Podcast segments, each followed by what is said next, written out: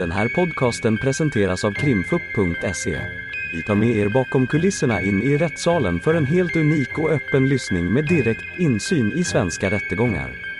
Vi vill varna för känsligt innehåll då denna podcastens fokus är brottmål och ljudfiler från verkliga förhör.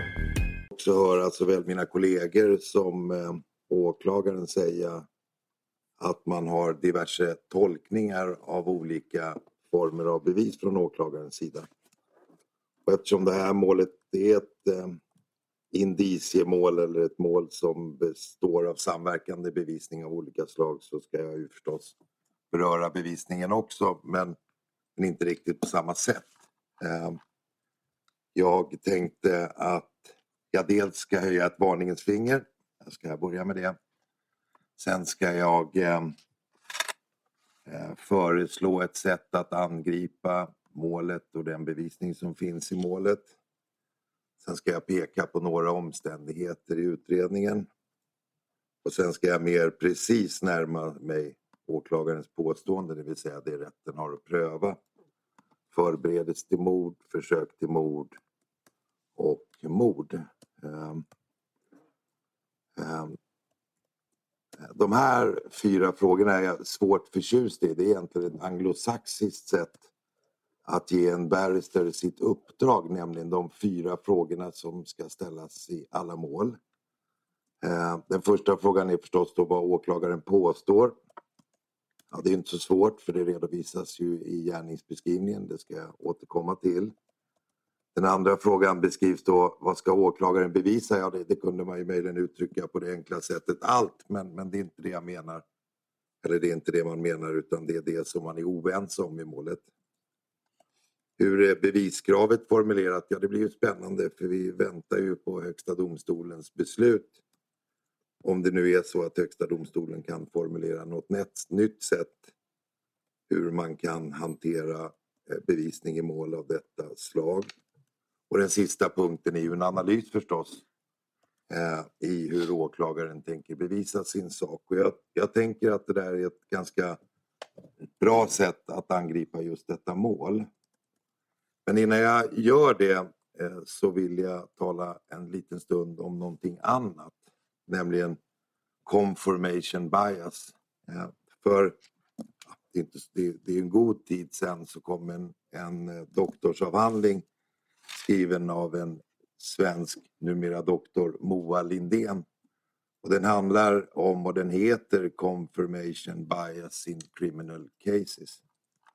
Eh, och vad är, vad är liksom syftet med denna synnerligen intressanta doktorsavhandling? Så intressant att Moa Lidén fick forskningspengar från FN för att sprida eh, de råd och rön som hon har kommit fram till. Och bias är väl ingenting nytt.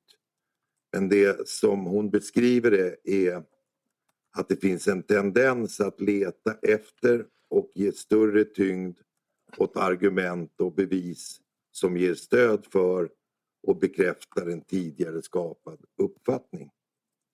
Samtidigt som man gör det så bortser man gärna eller tolkar om information som inte överensstämmer med hypotesen. Eh, åklagaren i det här målet, det ska jag gärna passa på att säga nu på en gång, har ju med, i alla fall ur mitt perspektiv, på ett närmast imponerande sätt eh, eh, hon måste vara närmast en minnesmästare. Eh, redovisat den omfattande utredning som enligt hennes uppfattning pekar på bland annat då min huvudmans skuld. Eh, men risken med att göra det är att man blir så förtjust i den där tesen. Och det har ju ingenting att göra med bristande objektivitet eller någonting sånt att göra utan det har att göra med en mänsklig brist att det är rätt att bli förtjust i en tes. Och då tänker jag, tänk om rätten blir lika förtjust. Och därför så tänker jag att inleda med att redovisa några exempel från den utredning som har presenterats som pekar på just det. Med den tanken att det är just farligt att bli förtjust i tesen. Eh, och det tänker jag göra alldeles strax. Eh, Det första exemplet eh, har vi kallat Mössan och bilen. HD har ju såna här roliga namn på sina mål numera så jag tänker Mössan och bilen kunde vara ett, ett bra exempel. Eh, den 2 augusti som är bekant så sker ju det som den här åtalspunkten handlar om. Eh, den förfärliga händelsen i Norsborg. Den 4 augusti, eller möjligen den 5 då, då, det beror lite på hur man ser på saken, det är strax efter midnatt som den här, i alla fall det upprättas en anmälan om att den här bilen som är aktuell i målet har anträffats eh, och i den bilen så hittar man ju också en, en mössa. Jag ska återkomma till den. Den ligger ut, något delvis utbränd i, i bagageutrymmet på den här bilen. Den 17 september så kommer en träffrapport från NFC. Den visar då att mössan bär spår av DNA från Benjamin Madi. Den 10 oktober, det vill säga knappt någon månad senare, så uppger NFC att mössan bär en blandning av DNA från minst två personer och en av dessa personerna är Benjamin Madi. Så på den här mössan då kanske det är klokt att tänka på att det finns DNA från två personer åtminstone. Och det ska ju gärna sägas att hur mössan har undersökts och var man har undersökt mössan och huruvida det kan finnas DNA från ytterligare personer det är faktiskt okänt påstår jag. Den 16 december, då, det var vi ju inne på här sist, så, så hade Mahdi hörts för första gången och också varit anhållen misstänkt för det som vi behandlar här och den 16 december försattes han på fri fot. Den 20 juni 2021 så häktas han och då beskrivs det efter nya sammanvägda bedömningar framförallt baserat på förutsättningarna att i närtid få ta del av Sky ECC-material. Det vill säga redan den omständigheten att materialet ska komma innan man ens vet innehållet i materialet så blir det någonting som ska ingå i en sammanvägd bedömning. Det är bias. Den, natten mellan den 4 och 5 augusti, det sa jag ju, så påträffas den här mössan in in efter att bilen har brunnit ut. Och vid de här, det här är ju egentligen bara för att redovisa det som jag just har sagt. Det ligger en mössa i bakluckan på en urbränd bil som påträffas natten mellan den 4 och 5 augusti. Alltså inte på gärnings, inte, inte på brottsplatsen utan på en annan plats en tid efter gärningen. Eh, och här framgår det som jag nyss sa, det vill säga man har genomfört en DNA-undersökning av ett spår som man har påträffats på den här. Och eh, efter teknisk under, undersökning som genomförs av bilen så skickas ett antal föremål för DNA-analys. Man påträffar då en mössa som anträffas i bilens baklucka. Ruben Sanchez och Benjamin Madi kommer sedan att frihetsberövas i utredningen under hösten 2020 till stora delar baserat på vad som har nämnts ovan, det vill säga på att man påträffar en mössa. Här är en träffrapport. Då kan man ju möjligen se då att det står bara Madi där. Och sen kommer det som jag nyss redovisade. Eh, det finns en blandning från minst två personer. Eh, jag vet inte om minst två personer kan innebära fyra personer eller tre personer. Det är ju ingen som vet det. Och så ser vi att han inte begärs häktad och försätts på fri fot. Och sen kommer det då, och det här är ju ur då något som kallas för åklagarens utredningssammanfattning. Jag kommer att återkomma till den, den finns i tilläggsprotokoll 1 och det här är hämtat av sidan 138 och framåt.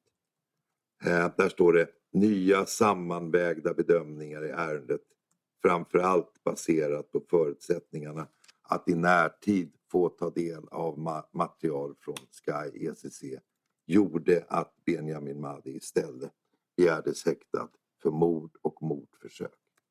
Det är alltså inte på någon konkret information utan det är på det faktumet att det ska komma information, det vill säga man förutsätter att i det materialet ska det finnas någonting som ska leda till den slutsatsen. Eh, här är några axplock från häktningsförhandlingar under den mycket långa häktningstiden och det här är från den 2 juli 2021. Det som, åklagaren, det som av åklagaren görs gällande är att Benjamin Mahdi befunnit sig i den vita Audin från vilken Adriana Ostrovoska sköts till döds och som senare påträffades utbränd på Brunkebergsåsen 1A i Sollentuna. Benjamin Mahdi kan knytas till Audin genom den mössa som påträffats av polisens tekniker i bilen efter att bilen har bränts. Alltså nu ska ett, ett, ett flyttbart föremål knyta mössa, DNA på mössan ska nu knyta honom till en bil. Det kan man ju fundera på. Vid omhäktningsförhandlingen den 29 juli någon har skjutit mot Serkan, Ferdi och Ruben. Åklagaren uppger vidare att det inte är utrett huruvida Benjamin Mahdi befann sig i bilen eller inte vid tidpunkten för mordet och mordförsöket. Så nu har han möjligen lämnat bilen den 29 juli. Den 27 september så säger man vad gäller brottsmisstanken om mord finns vissa indicier på att Benjamin Mahdi kan ha befunnit sig i bilen under skjutningen. Utredarna vill dock inte binda upp sig vid den teorin utan arbetar istället utifrån hypotesen att Benjamin Mahdi i vart fall haft en del i brottsplanen. Så var det den 27 september. Den 21 november så säger man vidare går det idag inte att ytterligare konkretisera vad Benjamin Mahdi har gjort avseende mordet den 2 augusti 2020. Och den 27 januari 2022 så satt Mahdi i Audin vid mordet med bland annat Serkan och Mohammed. Så beskrivs det i den häktningsförhandlingen. Det här är ju då, tycker jag må hända, eh, är ett exempel på att uppfattningen rörande utredningsläget varierar. Det är ju, det är ju för sig inget fel i den saken. Men min uppfattning, och jag ska återkomma till det i mitt slutanförande, är att detta är ett utfall av confirmation bias. Det har ju talats mycket om mastuppkopplingar. Ehm, jag hänför mig såklart till vad mina kollegor har berättat. Jag tror inte rätten behöver höra så mycket mer om det. Men det finns några intressanta saker att säga som belyser exakt samma sak. Enligt åklagaren så har ju Madi och Michael begett sig till Djupdalsgaraget för att hämta den vita Audin och vapnen med syfte att försöka leta upp de tilltänkta måltavlorna som de har planerat att mörda. Det är ju åklagarens påstående. Till stöd för det här påståendet att Mahdi har befunnit sig i närheten av Djupdalsgaraget vid den angivna tidpunkten har åklagaren åberopat en lokaliseringsuppgift i form av mastuppkoppling. Det är ju bekant för tingsrätten. Och enligt åklagarens eget tolkningsunderlag, det är ju den promemoria som har upprättats av NOA så är det dock faktiskt, påstår försvaret, helt klart att den uppgiften inte är tillförlitlig. Det vill säga det som åklagaren hänger upp sin sak på.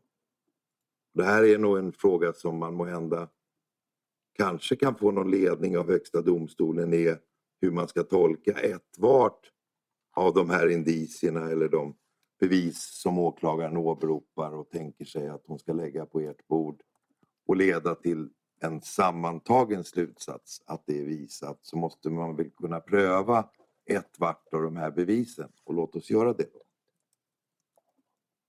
I åklagarens bevisuppgift, sidan 3, eller bevisuppgift 321, mastuppkopplingen, så åberopar åklagaren operativanalys, beslags och extraktionsprotokoll utvisande att Benjamin har förflyttat sig från bostaden i Gamla stan någon gång efter klockan 23.26 den 1 augusti för att 01.18 den 2 augusti koppla upp mot en mast som täcker trafik kring Djupdalsgaraget. Enkelt uttryckt, vi tittar på masterna och så ser vi var Benjamin befinner sig. Och det åberopar åklagaren då de här omständigheterna till styrkande av att Benjamin och Michael beger sig till Djupdalsgaraget för att hämta den vita Audin och vapnen med syfte att försöka leta upp de tilltänkta måltavlorna som de planerat att mörda. Det är en ganska viktig omständighet det här i åklagarens beviskedja. 01.18 har även Benjamins Sky-telefon har en uppkoppling mot samma mast och cell som Mike Hills Sky-telefon som enligt åklagaren styrker det faktum att han nu träffat M i enlighet med planen. Så säger åklagaren under sin sakframställning. Tingsrättens aktbilaga 857 sidan 79 och det, det, finns ju angivet och jag ska mejla in det där förstås. Och här ser ni den mastuppkoppling som åklagaren har lagt till grund för sitt påstående. 18 minuter ett, efter klockan ett på natten så befinner han sig på en basstation som kan knytas till det här garaget. Eh, det finns det emellertid en promemoria då, och den har jag ju tidigare talat om, som är upprättad av NOA. Och vad säger NOA då? då? Eh, ja, de säger eh, då att dokumentet är upprättat av dem. Eh, dokumentet utgör en officiell promemoria som får användas som underlag för operativa analyser i förundersökningar och dokumentet gäller historiska datalister inhämtade från Telia. Och så kommer det som kanske är intressant. Då. Bedömning av lokaliseringsuppgifter. Beroende på vilken typ av datauppkoppling som posterna gäller samt i vilken teknik som surfen sker är dock tidsangivelser för uppkopplingen mer eller mindre exakt. I datalistor från Telia finns två olika ty typer av datauppkopplingar. GPS-poster som är osäkra med avseende på tidsstämpeln. De kan, nu läser jag inte till istället ses som grova indikationer på hur ett nummer har rört sig men det finns en risk att enskilda dataposters cellinformation är, och nu kommer det ju till och med inom citat, mycket gammal. Lokaliseringsuppgiften är en stoppcell. GPS-poster från surf i 4G-nätet är tidsmässigt osäkra och jämförbara med GPG-uppkopplingar. Lokaliseringsuppgiften är en stoppcell och sen kommer en beskrivning då av startcell eftersom det inte är aktuellt just i det här sammanhanget så behöver jag inte gå igenom det. Och då kan vi konstatera att det som kommer överst på denna sida det är direkt från materialet och där kan vi då lära oss och, det är jag överens med åklagaren om, om hon inte tänker ändra sig, att det här är en stoppcell. Och då tittar vi, det framgår av materialet ovan och sen följer då uppkopplingen 01 1830 och så kan vi då efter att ha läst ur åklagarens egen utredning konstatera att när det gäller exakthet så är det mycket gammal, tidsmässigt osäker eller kan också beskrivas som en grov indikation. Och då blir min slutsats i alla fall, eller försvarets slutsats, att den lokaliseringsuppgift som åklagaren pekar på den är tidsmässigt osäker.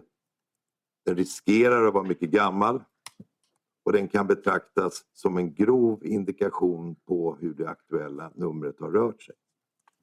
Lokaliseringsuppgiften säger alltså mycket lite om när innehavaren av enheten, än mindre när Benjamin Mahdi vistades på den här utpekade platsen. Och det här är ju också, ska jag säga då, i liksom eh, objektivit, eller den subjektiva objektivitetens namn, eh, något som åklagaren har påtalat. För vad sa åklagaren i sin sakframställning? Jo, hon sa Sky-telefonen kan därmed ha kopplat upp något tidigare på natten.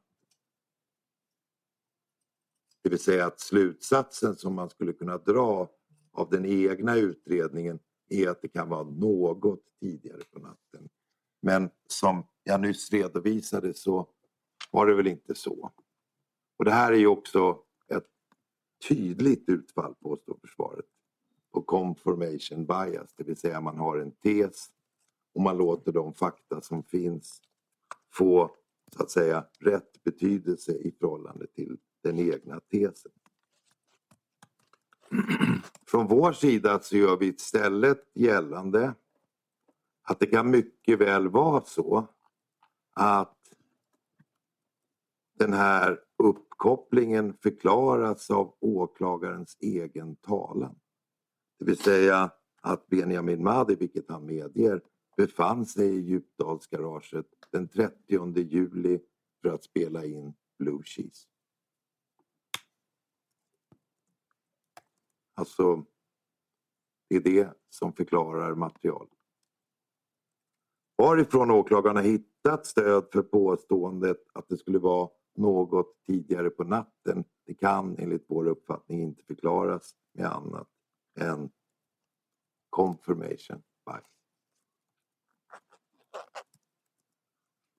Nästa exempel på samma sak, jag kallar det exempel nummer tre och för att sätta en rubrik så kallar jag det överlämningen. Enligt åklagaren så använder Benjamin Mahdi sin Sky för att under kvällen den 1 augusti skicka meddelandena Fick Goish nu. Haidar och Marcel, det står väl H och M då i och för sig, är i stan och festar, kanske Klivers. Det här meddelandet kan ni väl vid det här laget utan till. Enligt åklagaren har Mahdi därefter mellan 01.54 och 02.25 den 2 augusti 2020 överlämnat enheten, det vill säga den här Sky-telefonen till Ruben Sanchez. Åklagaren och försvaret är i och för sig överens om att det är någon annan än Benjamin som, och antagligen kanske också Ruben Sanchez som har varit brukare av den här i vart fall under delar av natten och eftermiddagen den 2 augusti 2020. Det är, ingen, det är nog inte stridigt. Men vi är inte överens om vid vilken närmare tidpunkt som Ruben Sanchez mottog den här Sky-telefonen. Och inte heller överens vem det är som skickade det där meddelandet som påstås faktiskt utgöra förberedelse till mord.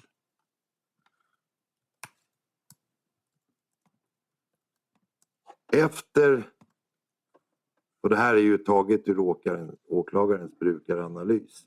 Efter meddelandet 23.52, kanske Klivish, skrivs ingenting från den här Sky-telefonen förrän den 2 augusti 15.38.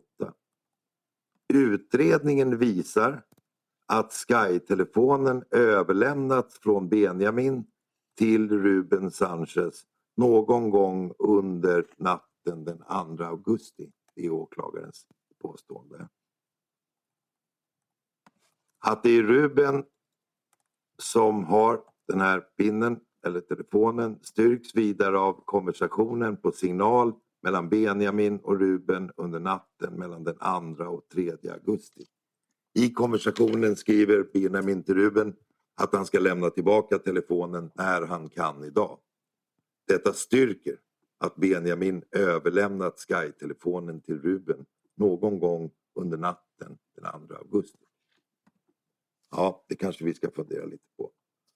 Meddelandet styrker väl inte det. Utan eh, meddelandet besvarar väl överhuvudtaget inte alls frågan om när Ruben Sanchez mottagit enheten. Det enda som kan utläsas av meddelandet är att Ruben Sanchez innehar Sky SEC-telefonen och att någon önskar få tillbaka den under dagen. Kom förbi, lämna luren när du kan idag bror. Ajde bror. Till stöd för det här påståendet om överlämningen av enheten skett först 01.54 eller för, mellan 01.54 och 02.25 den 2 augusti så har åklagaren åberopat olika lokaliseringsuppgifter och så jämfört dem med varandra så att man så att säga ska knyta ihop dem. Och vid denna jämförelse så har åklagaren använt den påstådda mastuppkopplingen vid Djupdalsgaraget den 2 augusti som underlag. Och det hade vi ju alldeles nyss konstaterat. Att när det gäller den tidpunkten så är uppgiften vad det gäller tidsangivelser mycket gammal, tidsmässigt osäker och en grov indikation. Det innebär alltså att åklagarens tes i det här avseendet bygger på samma grund så som vi nyss har bedömt. Och vi vill därför peka på riskerna att använda sig av tidsmässigt osäkra och riskfyllda uppgifter som underlag för jämförelser som när man lyssnar på dem så skickligt framfört av åklagaren framstår som faktiskt vederhäftiga. Vidare är det vår uppfattning att det måste finnas eller krävas stödjande positiva moment som knyter Madi och Sanchez till en plats där överlämningen har fullbordats. Och de övriga positionsdata som finns i målet, de har ni ju sett vid det här laget, de stödjer faktiskt inte den tesen. Utan det är samma uppgift om en Sky-telefon där den egna av åklagaren angivna utredningen visar att man är osäker. Vi säger därför att åklagarens slutsats att Ruben Sanchez mottog och började bruka den här telefonen först den 2 augusti 2020 mellan 01.54 och 02.25 eh, fel. Eller vi, vi invänder mot det eller påstår att det är fel. Det är meddelanden om de positionsdata som åklagaren åberopar saknar varje indikation och antydan om när Ruben Sanchez mottog enheten.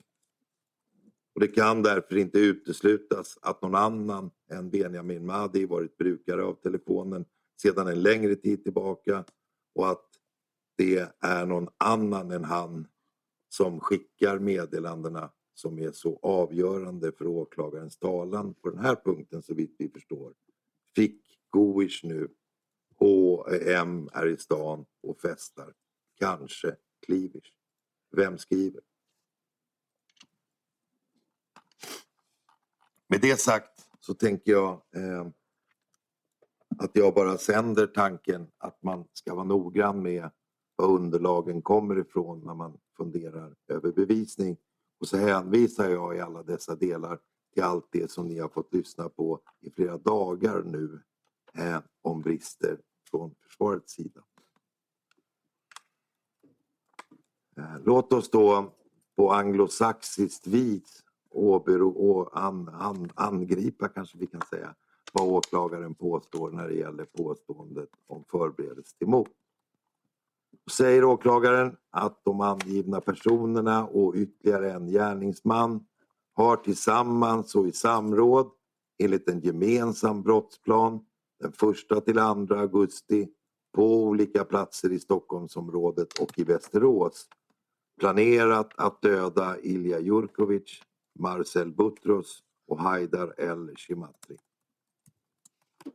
Under förberedelsen av gärningarna har gärningsmännen med uppsåt att utföra eller främja morden bland annat förvarat och transporterat hjälpmedel i form av vapen, ammunition, falskskyltade bilar och krypterade telefoner som varit särskilt ägnade att användas vid morden. Med hjälp av de krypterade telefonerna har gärningsmännen lämnat, mottagit information samt diskuterat hur, när och var brottet ska genom, brotten ska genomföras. Gärningsmännen har vidare via spaning och uppgifter från andra kända och okända gärningsmän fått uppgifter om var de tilltänkta offren befinner sig. Faran för brottets fullbordan har inte varit ringa. Det är ramen för rättens prövning. Vad är det då som åklagaren ska bevisa? Åklagaren ska bevisa att det här har utförts tillsammans och i samförstånd med andra angivna personer och enligt en gemensam brottsplan. Åklagaren ska visa att det förelåg ett uppsåt att utföra eller främja mord på ett antal angivna personer. Åklagaren ska visa att man har hanterat vapen och ammunition. Att man har hanterat falskskyltade bilar. Att man har hanterat krypterade telefoner. Att man har kommunicerat var de tilltänkta offren befunnit sig och att man har kommunicerat hur, när och var morden skulle genomföras. Så ser ju gärningspåståendet ut. Och vad är det åklagaren ska bevisa i förhållande till den inställning som Benjamin Mahdi har? Allt. Vi är inte eniga om något. Åklagaren ska bevisa allt. Hur är det här beviskravet då formulerat? Ja, det ska vara ställt utom rimligt tvivel. Och det förutsätter då att åklagaren genom den bevisning som har åberopats lyckats styrka att Mahdi har begått det som står att läsa i gärningsbeskrivningen. Och om det uppstår rimliga tvivel i frågan om Benjamin Mahdi har begått de påstådda gärningarna, ja då är beviskravet förstås inte uppfyllt. Men rättens eh, uppgift i förhållande till hur målet ligger är att pröva alla de omständigheter som vi räknade upp. Hur tänker nu åklagaren bevisa det här? Åklagarens bevisuppgift spänner ju över ett stort antal bevispunkter. Men endast fem, endast fem avser Benjamin Mahdi. Och jag tänkte att jag skulle bemöta dem då i förhållande till vad som påstås utgöra bevisning mot honom. Eh, åklagaren åberopar en chatt från Signal från Benjamin Mahdis telefon och en artikel om tramadol från Expressen utvisande att tramadol används av kriminella för att genomföra våldsuppdrag och att Benjamin Mahdi den 1 augusti 2036 efterfrågade tramadol. Att Ruben 2305 skriver Bror ska du ha eller inte? Kommer slagga snart. Varvid Benjamin 2308 svarar Kommer ha, vänta lite på mig. Det angivna bevistemat är till styrkande av att Mahdi på kvällen den 1 augusti vill ha tramadol. Det är faktiskt inte en omständighet som ligger till grund för åtalet. Det har inte gjorts gällande ens från åklagaren att förberedelse till mord har skett genom anskaffande av hjälpmedel i form av ett läkemedel. Och även om så hade varit fallet så är det försvarets uppfattning att det inte är kriminaliserat, inte på det avseendet i alla fall. Och huruvida Benjamin Mahdi har efterfrågat tramadol eller inte är enligt försvarets uppfattning en omständighet som saknar betydelse för prövningen av åtal. Åklagaren åberopar under bevispunkt 317 urval ur HDA Benjamin Mahdi utvisande att Benjamin Mahdi använder Vicker 2145 och 2253 Whatsapp 2349 Signal 0057 Snapchat 0107 och att det där därefter inte är någon aktivitet på telefonen förrän den 2 augusti 0518. Detta åberopas till styrkande av att Benjamin Mahdi några timmar innan mordet använder krypterade chattar vars innehåll inte har kunnat återfinnas och att Benjamin Mahdi inte använder telefonen under tiden för mordet och att han börjar använda telefonen igen vid femtiden på morgonen den 2 augusti 2020. Så står det i åklagarens bevisuppgift. Åklagaren påstår alltså att användandet av Wicker, Whatsapp och Snapchat, det vill säga krypterade chattar, eh, ska ha någon form av självständig betydelse för domstolens prövning, det säger vi, det kan det inte rimligen ha. Och dessutom är det väl ganska intressant att notera att innehållet i chattarna är okänt.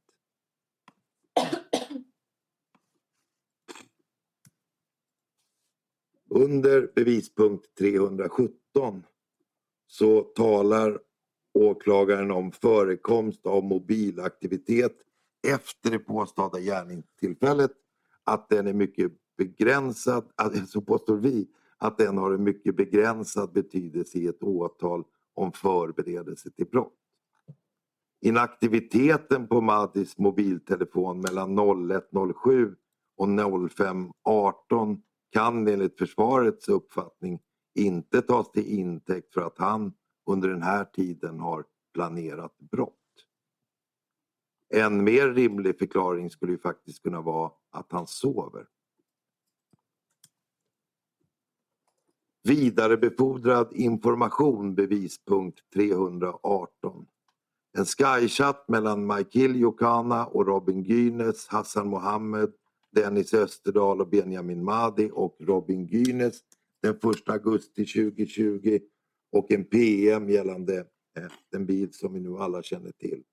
22.46 skriver Robin, fick Goish nu, eller skriver Benjamin, skriver Benjamin till Robin, fick Goish nu, Haidar och Marcel är i stan och festar. Polisen klockan 22.49 gör en slagning på en personbil, NCU 139, en bil som kan knyta till Marcel Butros och Haidar al-Shimatri vid Regeringsgatan i centrala Stockholm. Hassan klockan 22.53 frågar Dennis Bram, har du inga tabbar? Och skriver klockan 23.47 Nej Bram, vi blev av med några nyligen. Mm. Robin verkar skriva något till Mike Hill varefter Mike Hill svarar Robin klockan 23.24 är du hundra och klockan 23.37 hinner vi dit. Benjamin skriver enligt åklagaren 23.52 till Robin att han ska träffa M och H och kanske Klivers. Detta åberopas av åklagaren till styrkande av att Benjamin har fått information att Haidar al-Shematri och Marcel Butros befinner sig i stan och festar. Att Robin vidarebefordrar informationen han fått från Benjamin gällande var de tilltänkta måltavlorna befinner sig till Michael Yukana och Benjamin. Hassan och Michael planerar att träffas någon gång efter 23 och 52 den 1 augusti med anledning av de planerade morden. Så skriver åklagaren i sin bevisuppgift. Som redovisats är åklagaren och försvaret överens om att någon annan än Benjamin Madi, antagligen Ruben Sanchez, har varit brukare av telefonen och i vart fall under delar av natten till den 2 augusti. Det kan på goda grunder antas att Ruben Sanchez även varit brukare då de aktuella meddelandena skickades ett par timmar tidigare. Och åklagarens utredning lämnar faktiskt inga besked om när Ruben Sanchez mottog enheten. Och under alla förhållanden så finns det faktiskt anledning att betvivla att de här meddelandena i sig utgör straffbara förberedelsegärningar. Det är i alla fall vår uppfattning. Sen kommer bevisuppgiften 321 som gäller mastuppkopplingen. Operativanalys och beslags och extraktionsprotokoll utvisande att Haidar El-Shakri genomfört ett kortköp den 1 augusti 23.59 på Circle K Skärholmen Vårby. Att Michael Jokana förflyttar sig från Västerås till Djupdalsgaraget i Sollentuna den 2 augusti mellan 01.01 och 01.07 och att telefonen befinner sig i eller nära garaget fram till 01.14. Benjamin förflyttar sig från bostaden i Gamla stan någon gång efter 23 och 26 den 1 augusti för att 01.18 den 2 augusti koppla upp mot en mast som täcker trafiken kring Djupdalsgaraget i Sollentuna. Adam Fidov gör en slagning på ett registreringsnummer BEK 794 på biluppgifter.se den 2 augusti 01.54. Att det av uppgifterna i Adams mobiltelefon och mastuppkopplingar framgår att han färdas i en bil när han gör slagningen och att han då befinner sig på Norra länken mellan Solna och Stora Essingen. Hassan Mohammad befinner sig i sitt hem i Hammarby sjöstad 00.24 den 2 augusti för att därefter 02.28 och 02.29 ha uppkopplingar mot basstationen Jenny Linds gata vilket talar för att Hassan färdas längs E20 i södergående riktning. Och detta vill då åklagaren styrka att Michael Jokana, Hassan Mohammed är M och H som Benjamin ska träffa. Att Benjamin och Makil begär sig till Djupdalsgaraget för att hämta den vita Audin och att vapnen med, och vapen med syfte att försöka leta upp de tilltänkta måltavlorna som de planerar att mörda och att den vita Audin befinner sig på Norra länken i 01.54 och att Benjamin Madi, eller Benjamin och Michael vid tidpunkten även hämtar upp Hassan Mohammed och att de vid 02.28 befinner sig på E4 södergående höjd med Jenny Linds gata i Hägersten. Det var inte lite det. Sen tillkommer en kompletterande bevisuppgift. Hökuppgiften Ruben Sanchez utvisande att Ruben Sanchez telefon den 2 augusti 2020 kopplar upp mot masten Hauptvägen 74 i Hökarängen och 01.13 med mast på Södermalm. Klockan 01.25 och mot en mast på Slytersvägen Hägersten 02.25. Och allt detta till styrkande av att Ruben Sanchez inte innehar Benjamin Madis Sky-telefon då den kopplar upp mot en mast som täcker Djupdalsgaraget 0108 och att Ruben Sanchez tar emot Benjamins Sky-telefon någon gång efter 01.54 och innan 02.25 den 2 augusti 2020. Jag tror att uppgifterna känns igen. Att de synpunkter som vi har lämnat om detta också finns kvar i minnet. Det vill säga, det är en osäker lokaliseringsuppgift. Mastuppkopplingarna ger inte stöd för detta påstående att innehavaren är Benjamin Maddi och det ger inte heller stöd för att den som håller i telefonen, eller har den i fickan eller vad man nu gör, har befunnit sig i Djupdalsgaraget vid den angivna tidpunkten.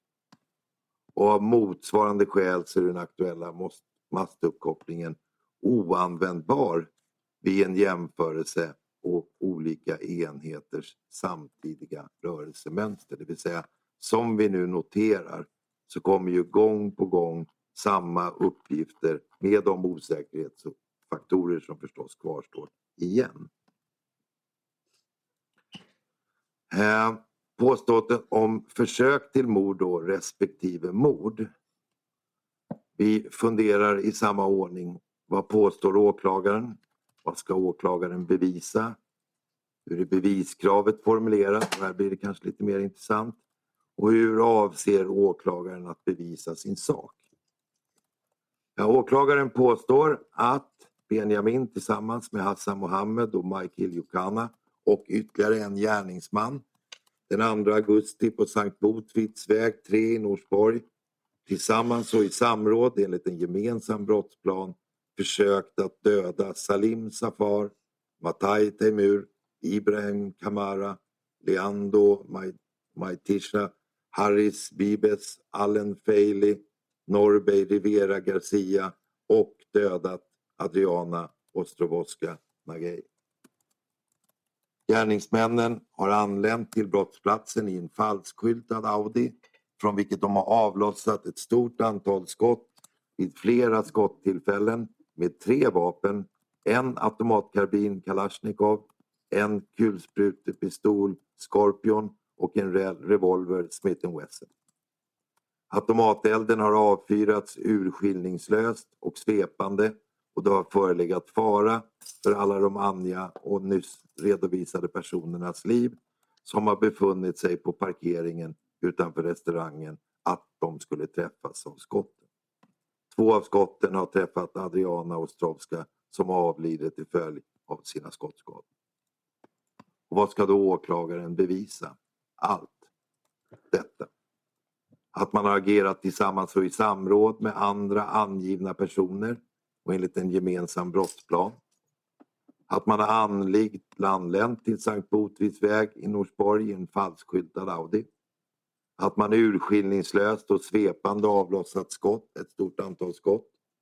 Att man har försökt döda ett antal angivna personer. Att man har dödat en angiven person och att allt detta täcks av uppsåt. Och Madis inställning är att han har inte gjort något av det som påstås i gärningsbeskrivningen. Det vill säga rättens prövning omfattar samma, samtliga moment i gärningsbeskrivningen. Och nu är vi väl där då det som kanske alla tycker ska bli så spännande att höra hur beviskravet i ett mål av detta slag är formulerat.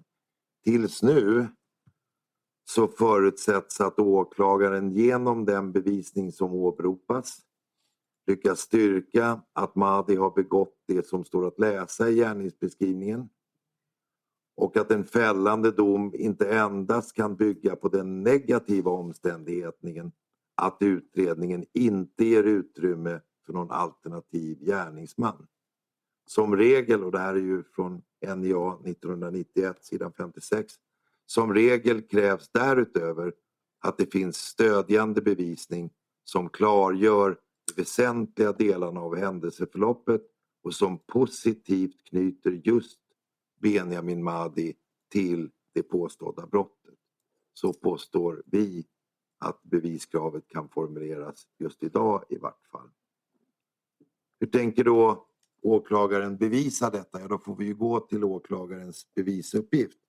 Åklagarens bevisning kan delas upp i tre olika slag. Det är tekniska fynd från brottsplatsen. Det är utredning om de faktiska gärningspersonernas förehavanden. Och det är omständigheter som påstås utesluta de alternativa gärningspersonerna.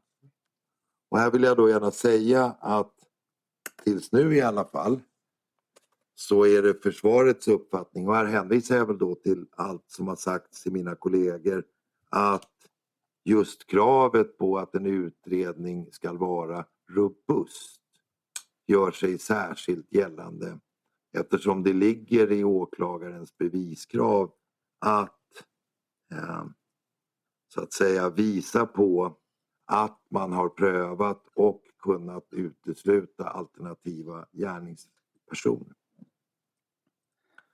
Så vad säger de tekniska fynden på platsen? Eh, och det vill jag gärna säga, det verkar vara en oerhört robust teknisk utredning som med fullständig tydlighet fastslår att det har befunnit sig en bil där och att det har skjutits från bilen.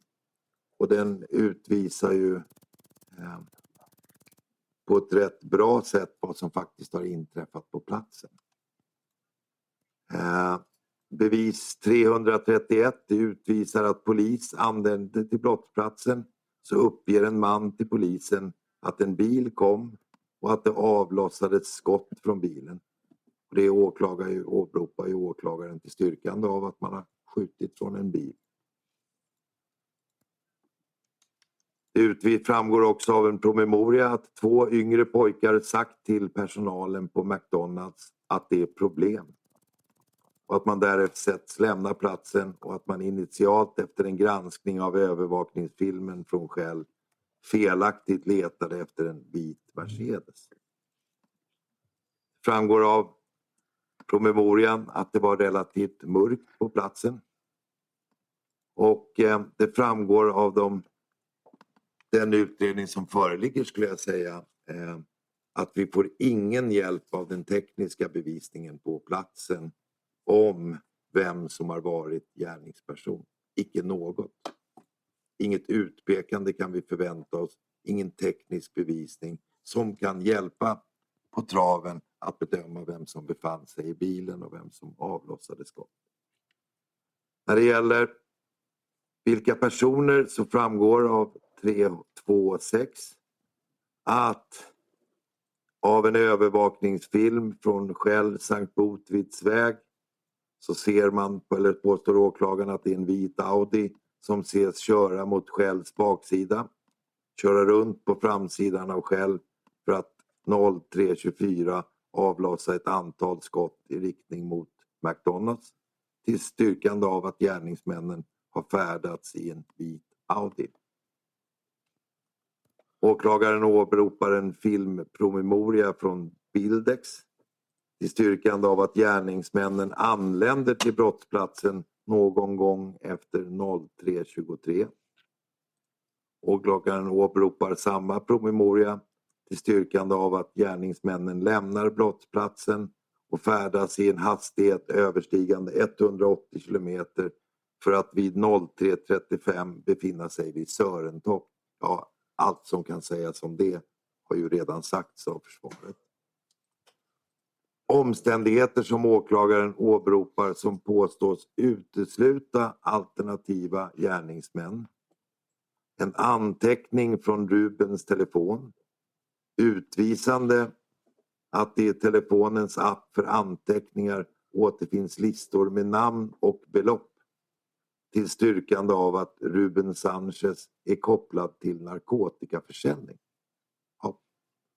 Urval av kommunikation från Furkans telefon utvisande att telefonen tyder på att brukaren av telefonen åker runt i Stockholmsområdet och levererar narkotika fram till midnatt den 2 augusti.